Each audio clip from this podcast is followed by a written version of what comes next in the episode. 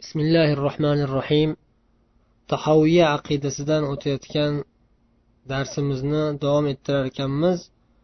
Bugungi darsimizda o'tgan darsimizni yana bir bor takrorlab o'tamiz.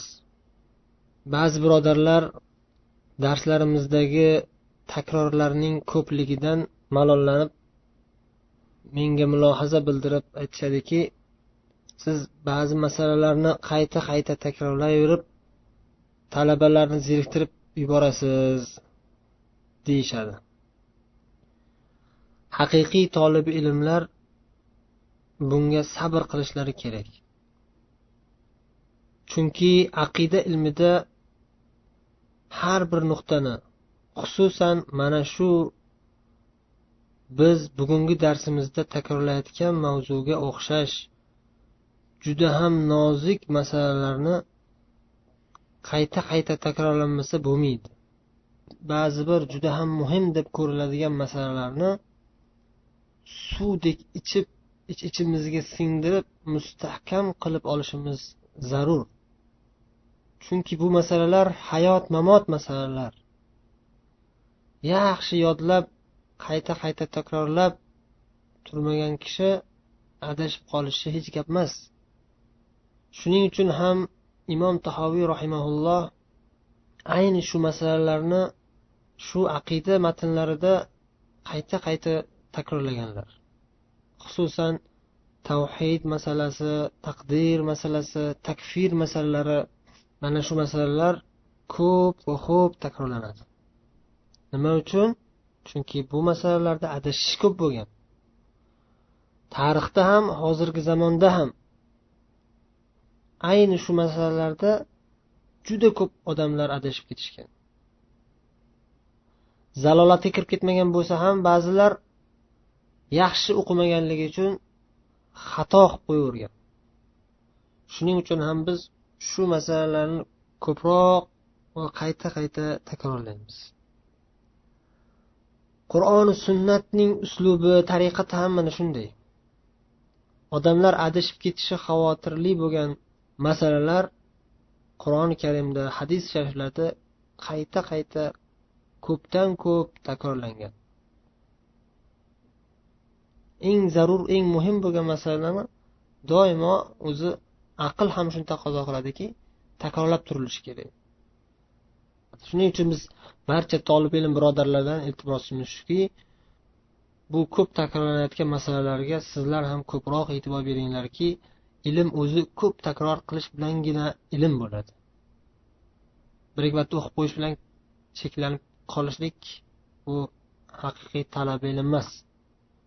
Haqiqiy tolib ilm bo'lgan kishi juda ham sabr bardoshli bo'lishi kerak. O'rganayotgan ilmiy masalalarni qayta qayta o'qishi va qayta qayta eshitishi lozim. Shunday qilib bugungi darsimiz takfir masalasiga doir masalalar bo'lib odamlarning iymon va kufr orasidagi darajalari va bizning ularning har biriga bo'lgan munosabatimiz qanday bo'lishligi haqida bo'ladi. Biz bu mavzuni bugun yanada osonroq shaklda tushuntirishga harakat qilamiz. Insonlarni to'rt xil darajaga taqsimlashimiz mumkin. Birinchi daraja eng mukammal eng ulug' daraja mukammal mo'minlar darajasi deymiz. Insonlar ichida shunday bir toifa borki mukammal mo'minlar toifasi deymiz. Ikkinchi darajali odamlar iymoni noqis gunoh ishlarni qilib qo'yadigan musulmonlar. Uchinchi darajali odamlar bular musulmonligida shubha bor musulmonligi shubhali bo'lgan odamlar. Ya'ni biz shunday istiloh bilan atayapmiz. Musulmonligi shubhali bo'lgan odamlar deb biz shirk akbarga yoki kufr akbarga tushib qolgan islomni davo qiladigan odamlarni aytamiz. Hayotida shirk akbar qilib qo'yadigan va shu bilan birga tavba qilmasdan yuradigan yoki kufr akbar qilib qo'yadigan va shu bilan birga tavba qilgani bizga noma'lum bo'lgan odamlar lekin musulmonman deydigan odamlar. Shularni biz musulmonligida shubha musulmonligi shubhali odamlar degan taqsimot bilan nomlayapmiz. To'rtinchi darajali odamlar kofirligi mushrikligi ochiq oydin bo'lgan odamlar. Ochiq oydin kofirlar ochiq oydin munofiq kimsalar. Munofiqligi fosh bo'lgan kimsalar. Ularni zindiqlar deb ataladi. Yo butunlay islomni davo qilmaydigan o'zini g'ayri musulmonligini ochiq oydin aytadigan man musulmon emasman deb turadigan ochiq kofiru mushriklar yoki musulmonman desa ham islomning ashaddiy dushmanlaridan hisoblanadigan islomga qarshi adovatini ochiq oydin qilib ko'rsatib turadigan katta munofiqlar zindiqlar. Bu to'rtta qismga bo'linayotgan insonlarning har biri uchta holatdan o'tadi. Birinchi holati tiriklik holati va bunga nisbatan o'ziga yarasha hukmi. Ikkinchi holati o'lib ketgandan keyingi unga nisbatan bu dunyodagi hukm. Musulmonlarning bularga bo'ladigan munosabati va bularni ustidan chiqariladigan hukm. Uchinchi holati oxiratdagi holat va oxiratdagi hukmi. Demak to'rtta qism odamlarni to'rtta qismga bo'ldik. Va har bir qism uchta holatdan iborat bo'ladi. Endi yana bitta nuqta mana shu har bir qismni har bir holatida umumiy hukm chiqarish bor muayyan bir shaxsni tayinlab hukm chiqarish bor. Umumiy hukmni olib muayyan bir shaxsga tadbiq qilib yuborishdan oldin shoshmaslik kerak bo'ladi. Umumiy hukm alohida masala har bir shaxsni alohida o'zini masalasi bayon qilinayotgandagi hukm alohida. Mana shu taqsimotlarni sharhlashga kirishdan oldin islom dinimizdagi eng buyuk qoidalardan birini eslab o'tamiz. Bu qoidani mana shu biz hozir zikr qilmoqchi bo'layotgan taqsimotlardagi insonlarning har biriga tatbiq qilsangiz to'ppa to'g'ri tushadigan va hammaga bab barobar tatbiq qilish lozim bo'lgan qoida. U ham bo'lsa al ahdu zohir zohirni ochiq oydin narsani qabul qilish qoidasi. Deb ham aytiladi. Yaqin ochiq hujjat bilan sobit bo'lgan narsa yo'qolmaydi uni inkor qilinmaydi to uning qarshisida ham ochiq hujjat isbot bo'lmaguncha mana shu qoida islom dinining buyuk qoidalaridan biri. Odamlar bilan muomala qilishda ularning ochiq ko'rinib turgan holatlariga binoan muomala qilinadi. Maxfiy holatlarini olloh o'zi biladi va ularning ustidan ham olloh o'zi hukm chiqaradi. Biz esa zohirini olishga va zohiriga qarab hukm chiqarishga buyurilganmiz. Masalan qaysiki bir odamni musulmonmi yoki kofirmi deb shubha qilib qoladigan bo'lsak u odamning o'zining ahvoliga qaraymiz. U odam o'zi izhor qilib turgan o'zi e'tirof etib turgan narsalarga qaraymiz. Yoki u odam bizni aldayotganligi biz bilan o'yin qilayotganligi haqida shubha paydo bo'ladigan bo'lsa u odamning ustidan adolatli ishonchli musulmonlar ochiq oydin hujjatlarga asoslanib ma'lum bir narsaga guvohlik berishsa biz ana shu guvohlikni e'tiborga olamiz. Ochiq oydin hujjat bo'lishi kerak. Ammo maxfiy holatini allohga topshiramiz. Maxfiy holati xoh u kofir bo'lsin xoh u musulmon bo'lsin biz uni aniq bilmasak bizda u haqida ochiq hujjat bo'lmasa allohga havola qilamizda zohirini olaveramiz. U odam o'zini zohirini qanday ko'rsatyapti bizga? O'zini tili bilan o'zini qilayotgan ishlari bilan nimalarni ko'rsatyapti? Zohiridan ochiq oydin ko'rinib turgan holati qanday? Biz ana shunga qarab hukm chiqaraveramiz. Mana shu qoidaga amal qilish doimo muhim va dolzarb masala. Endi mana shu qoida asosida yuqorida aytib o'tilgan taqsimotlar odamlarning iymon va kufr borasidagi ahvollari va bizning ularga nisbatan bo'ladigan munosabatlarimiz bilan tanishib chiqamiz. Insonlarni biz umumiy suratda to'rt xil darajaga taqsimladik. Birinchi darajali odamlar mukammal mo'minlar ikkinchi darajali odamlar chala musulmonlar. Ya'ni iymoni noqis gunoh ishlarni qilib qo'yadigan fosiq musulmonlar. Uchinchi darajali odamlar musulmonligi shubhali bo'lib qolgan odamlar. Musulmonligida shubha paydo bo'lib qolgan odamlar.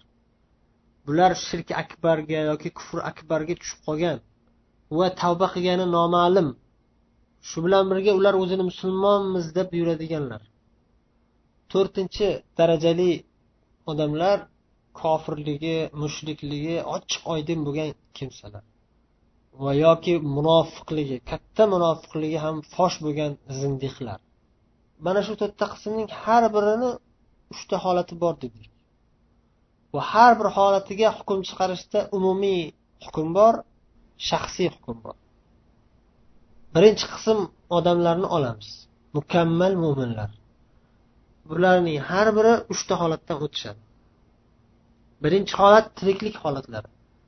Tirik hayot bo'lib turgan mo'min kishilarga nisbatan umumiy hukm chiqarish bor shaxsiy muayyan bir shaxs ustidan hukm chiqarish bor. Umumiy hukm chiqarishda biz aytamizki shak shubhasiz barcha mukammal mo'minlar eng afzal insonlar ularning haqqiga biz doimo solih duolar qilamiz ularni doimo hurmat qilamiz haq huquqini ado etamiz ularni maqtaymiz. Shaxsiy muayyan bir shaxs ustidan hukm chiqarish masalasiga kelinganda falonchi shaxs mukammal mo'minmi yoki yo'qmi degan masalada biz yuz foiz qat'iy shaklda guvohlik berib bu kishi mukammal mo'min kishi deb aytmaymiz. Ammo har bir shaxs bilan uni mukammal mo'minga o'xshayotgan bo'lsa mukammal mo'min sifatida e'zozlab hurmat qilib yaxshi muomala qilaveramiz. Yaxshi muomala qilamiz. Barcha haq huquqlarini o'z o'rnida ado etamiz. Endi o'lib ketgan bo'lsachi vafot qilib ketgan bo'lsachi mukammal mo'min deb ko'riladigan odamlar vafot qilib ketgan mukammal mo'minlar haqida ham umumiy va shaxsiy hukm chiqarish bor umumiy hukm chiqarishda aytamizki vafot qilgan barcha mukammal mo'minlar hurmatga sazovor ularni haqqiga duoyi xayrlar qilishimiz lozim va duo qilamiz va ularni haq huquqlarini ado etamiz. Mo'min musulmonmi? Janozasida qatnashishga harakat qilish kerak dafn qilishda yaxshi e'zozlab hurmatlab haq huquqini himoya qilib dafn qilish kerak. Dafn qilingandan keyin uni haqqiga duo qilish kerak. Alloh gunohlarini kechirsin. Mukammal mo'min bo'lsa ham duo alloh gunohlarini kechirsin duo qilinaveradi. Shaxsiy holati ham shaxsiy hukm chiqarishda ham shunga o'xshash falonchi shaxs zohirda mukammal mo'min deb ko'riladi. Shundaymi? Uni albatta hurmatlab haq huquqini ado etamiz. Yuqorida aytganimizdek bu kishi mukammal mo'min kishi deb turib yuz foiz qat'iy guvohlik berishdan ehtiyot bo'lamiz. Uchinchi holati qiyomatdagi oxiratdagi holat. Va oxiratdagi hukmi. Oxiratdagi holatida ham umumiy hukm chiqarish bor shaxsiy muayyan bir shaxs ustidan hukm chiqarish bor. Mana shu yerda katta farq bor. Ya'ni umumiy hukm bilan shaxsiy hukmni mana shu yerda katta farqi bor. Yuqoridagilardan uncha farqi yo'q. Yuqorida faqat yuz foiz qat'iy guvohlik berishdan ehtiyot bo'lsak bo'ldi. Mo'min sifatida muomala qilaveramiz deb aytdik lekin mana bu yerda yana ham ochiqroq bo'ladiki umumiy hukm chiqarishda biz yuz foiz guvohlik beramiz. Umumiy hukm chiqarishda barcha mukammal mo'minlar jannatiy oxiratda ular jannatga kirishi yuz foiz aniq deb aytamiz. Umumiy suratda. Barcha mukammal mo'minlar desak ham jannatiylar deymiz. Kimki mo'min bo'lib o'tsa albatta u jannatga kiradi ham deb aytamiz. Mana shu umumiy hukm chiqarish. Ya'ni mo'min kishi jannatiy bo'lishligida hech qanday shubha yo'q. Shak shubhasiz aytamiz. Endi muayyan bir shaxsga kelganda muayyan bir shaxs zohiridan mukammal mo'min deb ko'riladi. Shunday deb o'ylaymiz. Falonchi shaxs. Shu kishi o'lib ketgandan keyin oxiratdagi hukmi nima? Falonchi shaxs jannatiyligi aniqmi? Yuz foiz ayta olasizmi? Guvohlik bera olasizmi? desa yo'q. Yuz foiz jannatiy deb guvohlik berolmaymiz mo'min bo'lsa inshaalloh jannatiy deb aytamiz. Mo'min bo'lsa deb shart qo'yib aytamiz. Jannatiy bo'ladi. Inshaalloh jannatiy bo'lishi kerak deb o'ylaymiz. Jannatiy bo'lishini umid qilamiz. U haqida yaxshi gumonimiz kuchli bo'ladi. Ya'ni jannatiy bo'lsa kerak degan gumonimiz kuchli bo'ladi. Lekin yuz foiz qat'iy falonchi jannatiy deb aytish uchun qur'oni sunnatdan shaxsi tayinlangan bo'lishi kerak. Masalan payg'ambarlarni yuz foiz aytamiz hamma payg'ambarlar yuz foiz jannatiylar. Jannatda ham eng oliy buyuk maqomlar. Xuddi shuningdek sahobalardan shaxslari jannatiy deb aytilgan shaxslar tayinlangan sahobalarni hammasini jannatiy deymiz.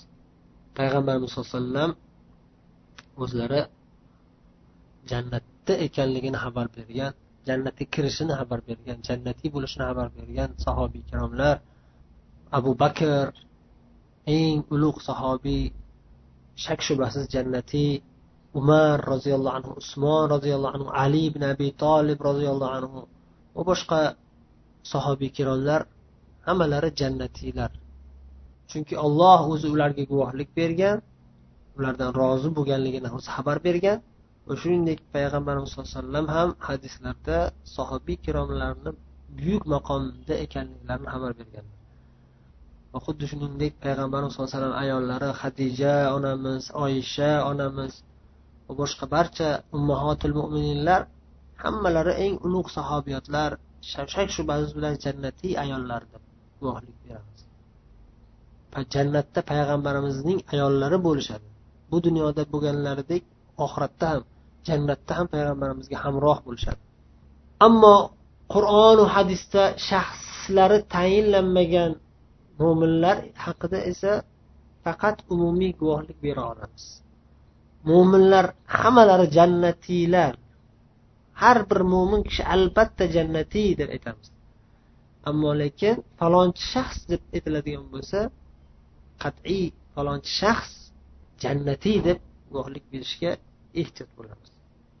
Ya'ni masalan buyuk tobeinlardan mashhur buyuk imomlardan imom hasan al basriy imom said ibn musayyib imom muhammad ibn sirin imom ato ibn abi rabah ulardan keyin kelgan to'rtta mazhab imomlari imom abu hanifa imom molik imom shofiiy imom ahmad.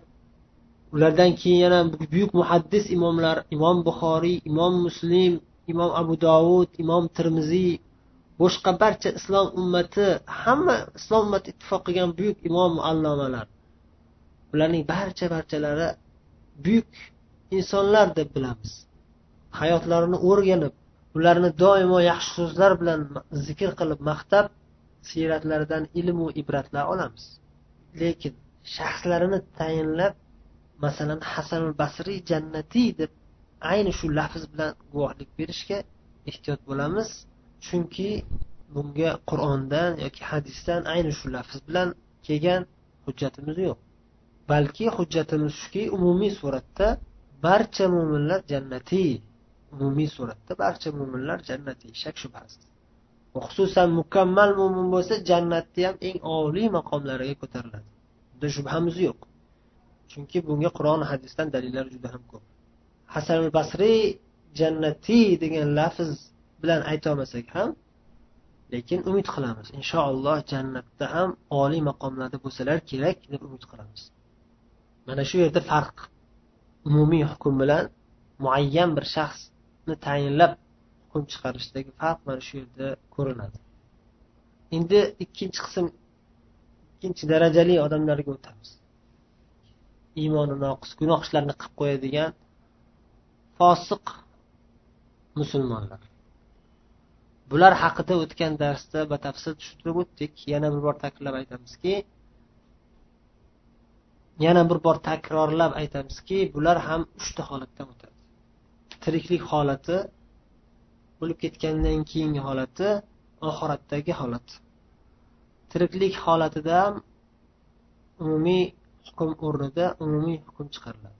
Shaxsiy hukm chiqarishda albatta yuqoridagi qoidaga binoan hukm chiqarishimiz lozim. Fosiq chala musulmonlar tiriklik davridagi holatiga munosabatimiz ularning bu ahvolidan qo'rqamiz oqibatidan xavotir olamiz ularga hikmat bilan nasihatlar qilamiz doimo ularni amri ma'ruf nahiy munkar qilib turamiz. Ularning bu ahvoliga achinib rahmimiz keladi.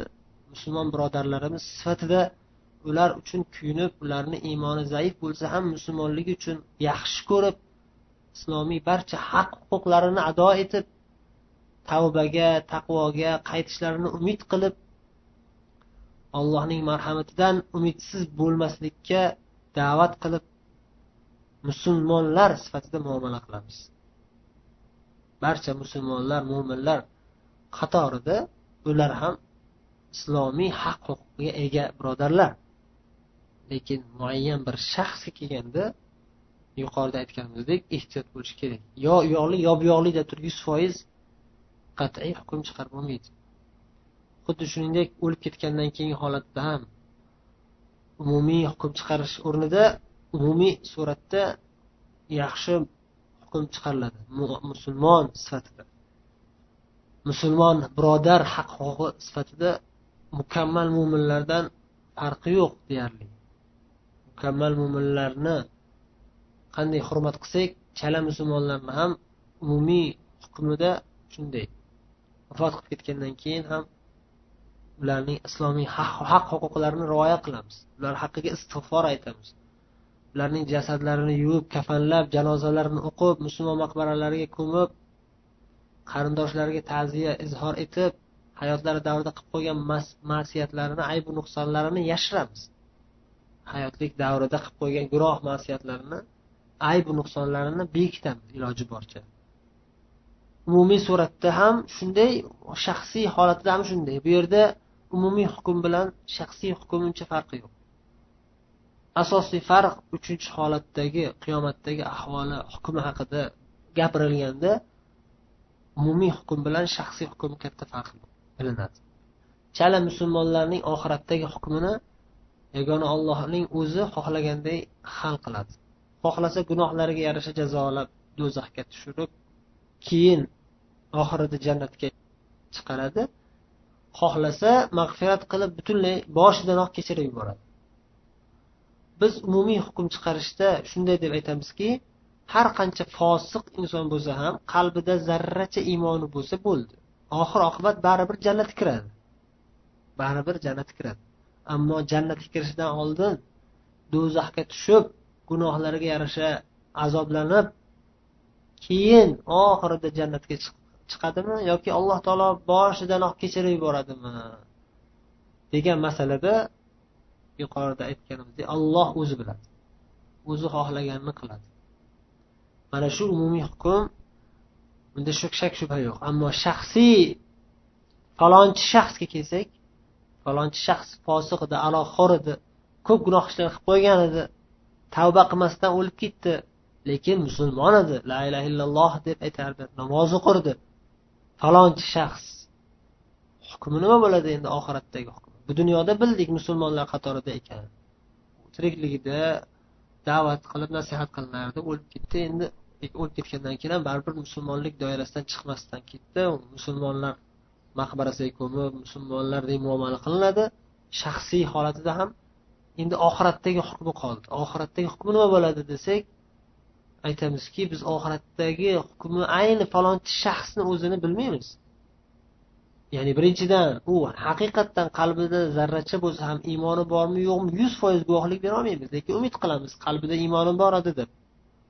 Agar qalbida iymoni bo'lsa zarracha bo'lsa ham agar deb aytamiz qalbida zarracha iymoni bor deb hisobladik misol uchun deylik o'shanday bo'lsa ham aroqxo'rligichi? Olloh biladi. Olloh rahmli zot xohlasa kechirib yuboradi olloh adolatli zot xohlasa azoblab o'ziga yarasha jazosini berib keyin jannatga kirgizadi. Balki payg'ambarni shafoatiga tushar balki shahidlardan birontasini shafoatiga kirib qolar balki o'zini farzandlaridan birontasini shafoatiga kirar allohu alam. Allohni marhamati keng zot. Falonchi shaxs deb shaxs tayin qilinganda mana shunday ehtiyot bo'lamiz. Allohu alam deb. Ammo umumiy hukmda kimniki qalbi zarracha bo'lsa ham iymonli bo'lsa qalbida zarracha bo'lsa ham iymon bo'lsa umumiy suratda aytamiz shak shubhasiz oxir oqibat jannatga kiradi. Boshida allohu alam albatta oxirida ham allohu alam lekin biz qur'oni sunnatdagi kelgan dalil isbotlar hujjatlarga binoan shunday deb ayta olamiz. Qat'iy ayta olamizki qalbida zarracha bo'lsa ham iymoni bo'lgan odam oxir oqibat baribir jannatga kiradi. Yuz foiz bunda shak shubha qilmaymiz faqat muammo shu yerdaki biz falonchi shaxsni bilmaymizda. Falonchi muayyan bir shaxsni maxfiy holatini biz bilmaymiz. Olloh o'zi biladi.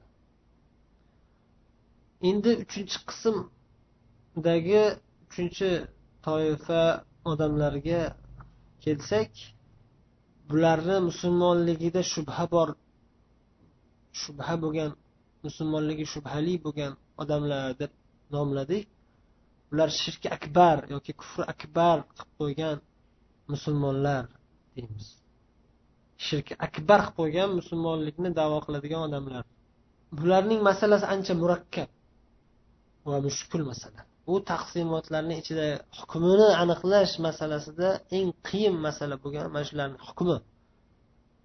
Bular mana shunday qiyin muammo bo'lishiga sabab o'zidan islomni davo qilib turib yana shirk akbarga tushib kufri akbarga tushib yuraveradi.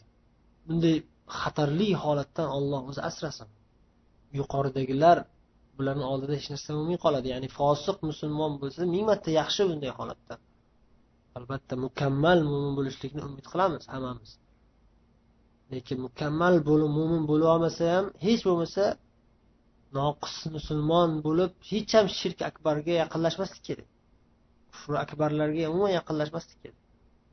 Shirk akbarga tushdi degani yoki kufr akbarga tushdi degani bu eng xatarli holat. Bular ham tiriklik holati bo'ladi o'lib ketgandan keyingi holati bo'ladi oxiratdagi holati bo'ladi. Biz bularni ham ustidan hukm chiqarishda umumiy hukm chiqarish bor shaxsiy hukm chiqarish bor. Bularni ustidan umumiy hukm chiqarganimizda qattiqroq hukm chiqariladi. Ya'ni shirki akbar qilgan odam mushrik bo'ladi kofir bo'ladi deb aytamiz. Musulmonlikni davo qilayotgan bo'lsa ham shirki akbar qilib qo'ysa islomdan chiqib ketib qoladi. Kufri akbar qilib qo'ysa kofir bo'lib ketib qoladi. Mana bu ishni qilgan odam mushrik bo'ladi deb aytamiz misol uchun o'lik odamdan madad so'ragan kishi mushrik bo'ladi deb aytamiz. Bu umumiy hukm. Misol uchun qabrda o'lib yotgan odam har qancha buyuk avliyo bo'lgan bo'lsa ham misol uchun payg'ambarimiz muhammad sollallohu alayhi vasallam bo'lsalar ham ey rasululloh menga madad bering. Ey rasululloh menga farzand bering. Ey rasululloh menga najot bering. deb payg'ambarga nido qiladigan bo'lsa mushrik kofir bo'ladi. Bu umumiy qoida ochiq oydin. O'zi payg'ambarlarning asosiy da'vatlari poydevori ham shu. Barcha payg'ambarlar allohdan boshqa hech kimga iltijo qilmaslikka da'vat qilib kelishgan.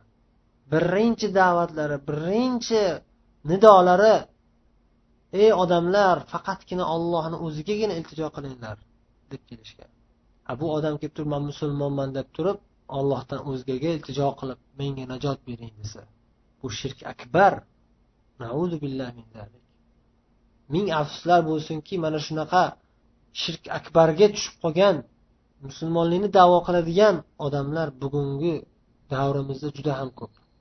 Alloh o'zi hidoyat qilsin bu bechoralarga olloh o'zi adashtirmasin. Kimki man musulmonman deb tursa ham lekin islomni poydevorini buzib shirki akbar qilsa mushrik bo'lib ketadi. Kimki man musulmonman deb turib kufr akbar keltirsa kofir bo'ladi. Umumiy hukm. Kufr akbarlar qanday bo'lishi mumkin? Ba'zilar ajrata olmasligi mumkin. Shirk akbar bilan kufr akbar. Shirk akbar ollohdan o'zgaga masalan iltijo qilish ollohdan o'zgaga atab misol uchun qurbonlik qilish bular shirk akbar deyiladi. Kufr akbar zohiridan shirkka o'xshamaydi. Lekin hukmi bir xil. Ikkalasi ham kofir qilib tashlaydi. Ikkalasi ham dindan chiqarib tashlaydi. Misol uchun men musulmonman lekin menga namoz farz emas desa. Men musulmonman lekin xos musulmon odamman. Man chuqur ketgan sufiylar davo qiladiganday shariatga amal qilish bizga shart emas. Shariatga amal qilish omma musulmonlarga. Bizga shart emas. Namoz o'qish yoki zakot berish yoki boshqa ro'za tutish. Bu narsalar omma musulmonlarga. Biz yaqin darajasiga oliy darajaga ko'tarilganmiz bizga shart emas. Desa bu kufr kofir bo'ladi. Demak mana shu man musulmonman deb turib kufr akbar keltirsa yoki shirk akbar keltirsa kofir bo'lib ketadi. Musulmonman deganligi befoyda bo'ladi.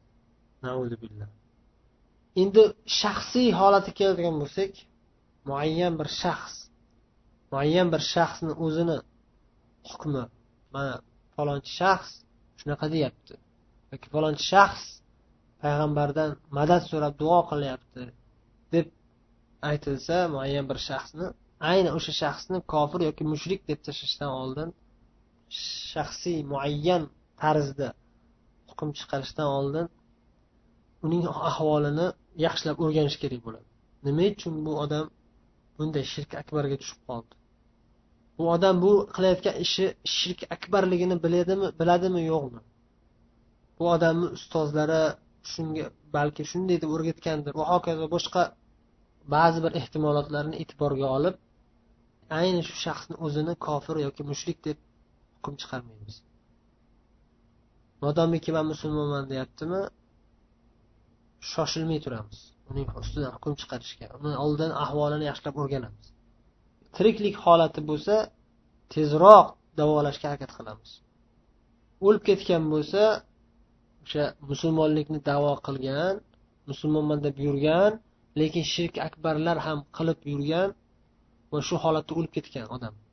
Bu odamni ham biz uzri bo'lgan bo'lishi mumkin degan ehtimolni e'tiborga olib muomala qilamiz. Biron bir uzri bo'lgan bo'lsa kerak. Ya'ni misol uchun butunlay dinni mana shunday noto'g'ri tushuntirgan kimdir unga. Buni shirk akbarligini aytmagan o'rgatmagan. Mana shu ehtimolotlarni e'tiborga olamiz. Shuning uchun biz uni ustidan bu kofir yoki mushrik deb hukm chiqarib tashlamaymiz. Oxiratdagi hukmiga kelsak oxiratdagi hukmi yuqoridagi masalalarda aytib o'tilganidek muayyan bir shaxsni biz aytmaymiz. Agar bu islomni davo qilgan odam shirk akbar qilib qo'yganida unga qarshi hujjat qoyim qilingan bo'lsa shunda ham u shirk akbardan tavba qilmasdan o'tib ketgan bo'lsa bu odam do'zaxiy bo'ladi. Bu umumiy hukm. Lekin biz shaxslarning qalbidagi maxfiy holatini aniq bilmaganimiz uchun shaxsiy hukm muayyan bir shaxs ustidan hukm chiqara olmaymiz. Olloh o'zi biladi agar shirk akbar qilganiga uning o'zi uzri bo'lsa muayyan bir uzr shar'iy uzr bo'lgan bo'lsa bunday holatda albatta alloh uning qalbidagi iymoniga binoan oxir oqibat jannatga kirgizadi. Qalbida zarracha iymoni bo'lsa. Endi oxirgi qism. To'rtinchi darajali odamlarning hukmini bayon qilishga o'tamiz. Bular kufri ochiq oydin bo'lgan kofirlar. Yoki katta munofiqligi ochiq bo'lgan zindiqlar. Ularni ham uchta holati bo'ladi. Tiriklik holatida umumiy va shaxsiy hukmi bir biriga yaqin. O'xshash. Ochiq oydin kofirlar islom dinini qabul qilmagan men musulmon emasman deydigan ochiq kofirlar. Xoh ular yahudiy bo'lsin xoh nasroniy bo'lsin xoh majusiy bo'lsin xoh butparast bo'lsin hoki xudosiz mulhid bo'lsin bularning hammasi ochiq kofirlar deyiladi. Bularni umumiy hukmida ham mushriklar kofirlar deyiladi. Shaxsiy muayyan shaxs ustidan gapirilganda ham bu odam kofir mushrik deyiladi. Xuddi shuningdek munofiqligi fosh bo'lgan ochiqchasiga islom dini ahkomlarini masxara qilib ochiqchasiga islom dinini qoralaydigan kimsalar. Biz ota bobamiz musulmon degan nom bo'lgani uchun biz ham musulmon degan nomimiz bor. Lekin islom dini unaqa bunaqa deb islom dinini qoralaydigan kimsalar. Bular islomni davo qilsa ham oddiy omi musulmonlar ham ularning so'zi kufri akbar ekanini bilishadi. Ular shu so'zi bilan islom dinidan butunlay chiqib ketgan kofir zindiq ekanligini bilishadi. Bularga qanday muomala qilamiz endi? Tiriklik holatida. Bularni albatta biz tavbaga chaqiramiz hikmat bilan da'vat qilib nasihat qilamiz ularga. Allohning azobi uqubatidan qo'rqitamiz qiyomatda do'zaxdan ogohlantiramiz va hatto bu dunyoda ham bunday holatda yurgan odamlar baxtsiz bo'ladi bu dunyosi ham. Mana shu dunyodagi baxtsizligini ham eslatib nasihat qilamiz. Va hokazo chiroyli nasihatlar hikmatli da'vat yaxshi muomala. Ta'sir qilmasa oxirida keyin bular bilan boshqacha gaplashish mumkin. Ya'ni ochiq kofirlarning ham darajasi har xil bo'ladi. Ba'zilar harbiy kofirlar bizga qarshi uch ochiqdan ochiq urush e'lon qiladigan harbiylar al kafirul harbiy deyiladi. Islomga adovati islomga dushmanligi ochiq oydin bo'lgan kofirlar. Harbiy deganda albatta qo'lida quroli bo'lishi kerak degani emas. Harbiy degani islomga dushmanligi ochiq oydin degani bularga da'vat qilingan tavbaga chaqirilgan nasihat qilingan foyda bermagan kimsalar bular. Bularga yaxshi muomala qilinmaydi. Bular bilan jihod maydonida gaplashiladi jihod maydonida bularni o'ziga yarasha jazosini beriladi. Lekin o'shanda ham allohning marhamati kengligi uchun urushga kirishdan oldin ogohlantiriladi. Jihod qilishdan oldin ham bularga ogohlantiruv beriladi. Ehtiyot bo'linglar tavba qilinglar o'lib ketasizlar hozir jihodda dunyoyinglar ham kuyadi oxiratinglar ham kuyadi. Islomga qaytinglar islomga kiringlar yoki adovatinglarni ochiq qilmanglar. Hech kim sizlarni islomga kiringlar deb majburlamaydi. Ammo lekin islomga ochiq oydin dushman bo'lsanglar islomga qarshi harakat qilsanglar albatta islom ham sizlarga qarshi harakat qiladi. Albatta musulmonlar jihod qilishadi islomni himoyasi uchun. Lekin sizlar agar sulhga rozi bo'lsanglar musulmonlar ham sulhga rozi bo'ladi. Urush eng oxirgi chora doimo. Va hokazo nasihatlar qilinadi. Ba'zi bir kofirlar bor ularni zimmiylar yoki mustamanlar muahadlar deb aytiladi. Zimmiylar islom davlatini ostida yashaydigan islom davlati ularni himoya qiladigan kofirlar. Bular islomga dushman emas lekin islomni qabul qilmagan o'zining dinida qolgan kofirlar. Hech kim hech qachon islom diniga kirishga majburlamaydi. Haqqi yo'q. Islom diniga kir deb majburlashga hech kimni haqqi yo'q. Lekin islomiy davlat ostida yashayotgan kofirlar islomiy davlat qonunlarini rioya qilishi shart bo'ladi. Shuni rioya qilsa u kofirni ham islomiy davlat himoya qiladi. Haq huquqlarini islomiy davlat himoya qiladi. Mustaman bo'lgan kofirlar ya'ni islom davlatiga kirgan muayyan bir vaqtga bir muayyan bir ish bilan kelgan qaytib ketadigan kofir. Unga tinchlik berilgan. Bunga qarshi hech kim urush qilmaslik kerak uni aldamaslik kerak. Mustaman omonda. Modomiki islom davlat ichiga kirgan ekan omon berilgan ekan tinchlik berilgan ekan to islom davlatdan chiqib ketgunga qadar bunga qarshi hech qanday bir da'vat qilinmasligi kerak. Muahadlar islomiy davlatdan tashqaridagi islomiy davlat bilan sulh tuzgan kofirlar. Biz sizlarga dushman emasmiz sizlar bizga dushman bo'lmanglar. Biz sizlarga tegmaymiz sizlar bizga tegmanglar deb sulhga rozi bo'lgan kofirlar muahadlar. Eng yomoni o'sha kofir harbiysi. Islomiy davlatga ham itoat qilmaydi islomiy davlat bilan sulh ham tuzmaydi islomiy davlat qonunlarini umuman rioya qilmaydi. Islomiy davlatga va islom va musulmonlarga adovatini ochiq oydin qilgan kofirlar. Xullas kalom biz aytmoqchi bo'lgan nuqta shuki hatto kofir zilmiy bo'lsa ham ya'ni islomiy davlat ichida yashayotgan islomiy davlat qonunlarini rioya qiladigan kofir bo'lsa ham kofir deyiladi. Bu odam kofir. Man musulmon emasman deb o'zi ham aytib turibdi. Ba'zi bir adashgan toifalar kelib turib yahudiylar ham musulmon hisoblanadi deyishlik noto'g'ri. Zalolat.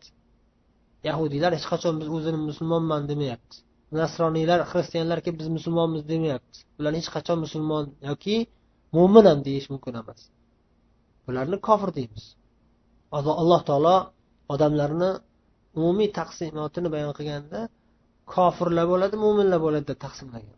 Hamma taqsimotlar har xil taqsimotlar o'z o'rnida bayon qilinadi lekin baribir oxir oqibat ikki qismga bo'linadi. Yo mo'min yo kofir bo'ladi. Mo'minlar jannatga kiradi kofirlar do'zaxga tushadi. Bu oxirgi oqibat baribir ikkiga borib taqaladi. Ikki qismga borib taqaladi. Qolgan taqsimotlar hammasi o'z o'rnida. Munofiqlar ham agar katta munofiq bo'lsa kofir bo'ladi. Kichkina munofiq bo'lsa chala musulmon bo'ladi musulmon mo'min hisoblanadi. Baribir oxir oqibat jannatga kiradi. Biz mana bu darsda taqsimotini bayon qilib o'tayotganlar ham oxir oqibat baribir ikki qismga borib taqaladi. Yo musulmon yo kofir. Tafsilotlar o'zini o'rnida iste'mol qilinadigan tafsilotlar.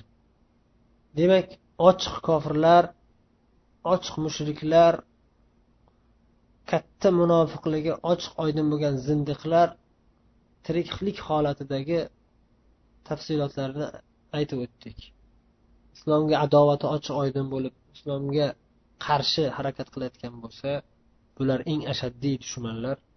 Islomga adovati ochiq oydin bo'lmasdan islomga qarshi harakat qilmayotgan bo'lsa faqat man musulmon emasman deb turib ochiq aytayotgan bo'lsa bular ham kofir deyilsa ham lekin bularga xushmuomala qilib ularni islomga da'vat qilish lozim hikmat bilan munofiq bo'lsa islomga dushman bo'ladi. Bular ko'pincha ochiq oydin o'zini adovatini izhor qilgan munofiq bo'lsa man musulmonman degani bilan bular murtadlar hukmida bo'ladi.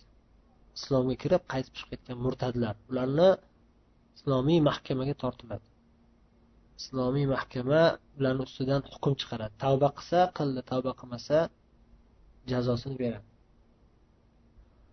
O'lib ketgandan keyingi holati esa bu holda ham ularga bo'ladigan bizning munosabatimiz umumiy hol umumiy hukm bilan shaxsiy hukm bir biriga o'xshash yaqin. Umumiy suratda ham aytamiz islomni qabul qilmagan barcha kofirlar o'lib ketgandan keyin musulmonlar maqbarasiga ko'milishi mumkin emas. Shaxsiy hukmda ham falonchi kimsa kofir bo'lib o'tib ketgan kimsa yahudiymi nasroniymi ochiq oydin misol uchun deylik ochiq oydin kofirlar lenin stalin yelsin yoki amerika prezidentlaridan ruzvelt yoki angliya bosh vaziri cherchill yoki germaniyaniki gitler yoki yahudlarniki ishoq rabin yoki o'zini musulmonman deb davo qilib turib o'zini payg'ambar darajasiga ko'targan qodiyoniymi? Man musulmonman deb turib man payg'ambarman deydi. Qodiyoniymi yoki bahoiymi? Bular hammasi ochiq oydin kofiru zindiq bo'lganlar. Ularning hammasini shaxslari bilan tayinlab kofirlar deb ayta olamiz. Kofir bular. Mushrik. O'lib ketgandan keyin ham kofirdek muomala qilamiz. Lekin oxiratdagi hukmida farqi bor. Bularning oxirati qanday bo'ladi oxiratdagi hukmi qanday bo'ladi degan masalada umumiy hukm chiqarish bilan shaxsiy hukm chiqarishimizda tafsilot bor. Umumiy hukm chiqarishimiz juda ayon ochiq oydin. Aytamizki barcha kofirlar barcha katta munofiqlar hammasi do'zaxiylar bunda shak shubha yo'q. Hamma kofirlar do'zaxiy hamma katta munofiqlar do'zaxiy ularni qalbida zarracha ham iymon yo'q. Kofir mushrik munofiq katta munofiqlar do'zaxiy bo'ladi. Do'zaxi ham eng pastida bo'ladi munofiqlar. Innal munafiqina darkil asfali minan nar dedi alloh taolo. Shak shubhasiz munofiqlar do'zaxning eng past tabaqasida bo'ladi dedi alloh taolo. Shaxsiy hukm chiqarishga keladigan bo'lsak ya'ni falonchi shaxs deb hukm chiqariladigan muayyan bir shaxsni tayinlab hukm chiqarishga keladigan bo'lsak ehtiyot bo'lishimiz kerak. Birinchi nuqta shuki agar qur'oni sunnatda kofirligi yoki munofiqligi aniq bayon qilingan shaxs bo'lsa ularning do'zaxiyligida zarracha ham shubha yo'q. Masalan fir'avn homon qorun abu lahab. Va uning ayoli bular ochiq kofirlardan ochiq munofiqligi ochiq oydin bo'lganlardan abdulloh ibn ubay ibn salul. Va hokazo. Bularni biz do'zaxiy deb guvohlik bera olmaymiz. Do'zaxiy bular. Oxiratdagi hukmi ikkinchi nuqtada aytamizki qur'oni sunnatda shaxsi tayinlab aytilmagan kofir munofiqlar esa biz ularning shaxsini tayin qilib kofir deb aytsak ham masalan lenin dedik stalin dedik gitler dedik bular kofir deb aytamiz. Ammo lekin oxiratdagi hukmiga kelganimizda bular do'zaxiy deb guvohlik berishdan tilimizni tiyamiz. Do'zaxiy deb hukm chiqarish bu boshqa masala alohida masala. Ayni shunday lafz bilan muayyan bir shaxs ustidan hukm chiqarishda. Ammo umumiy hukmni shak shubhasiz aytamiz umumiy hukm bilan kofirlar mushriklar munofiqlar katta munofiqlar do'zaxda abadiy qoladi bular. نعوذ بالله من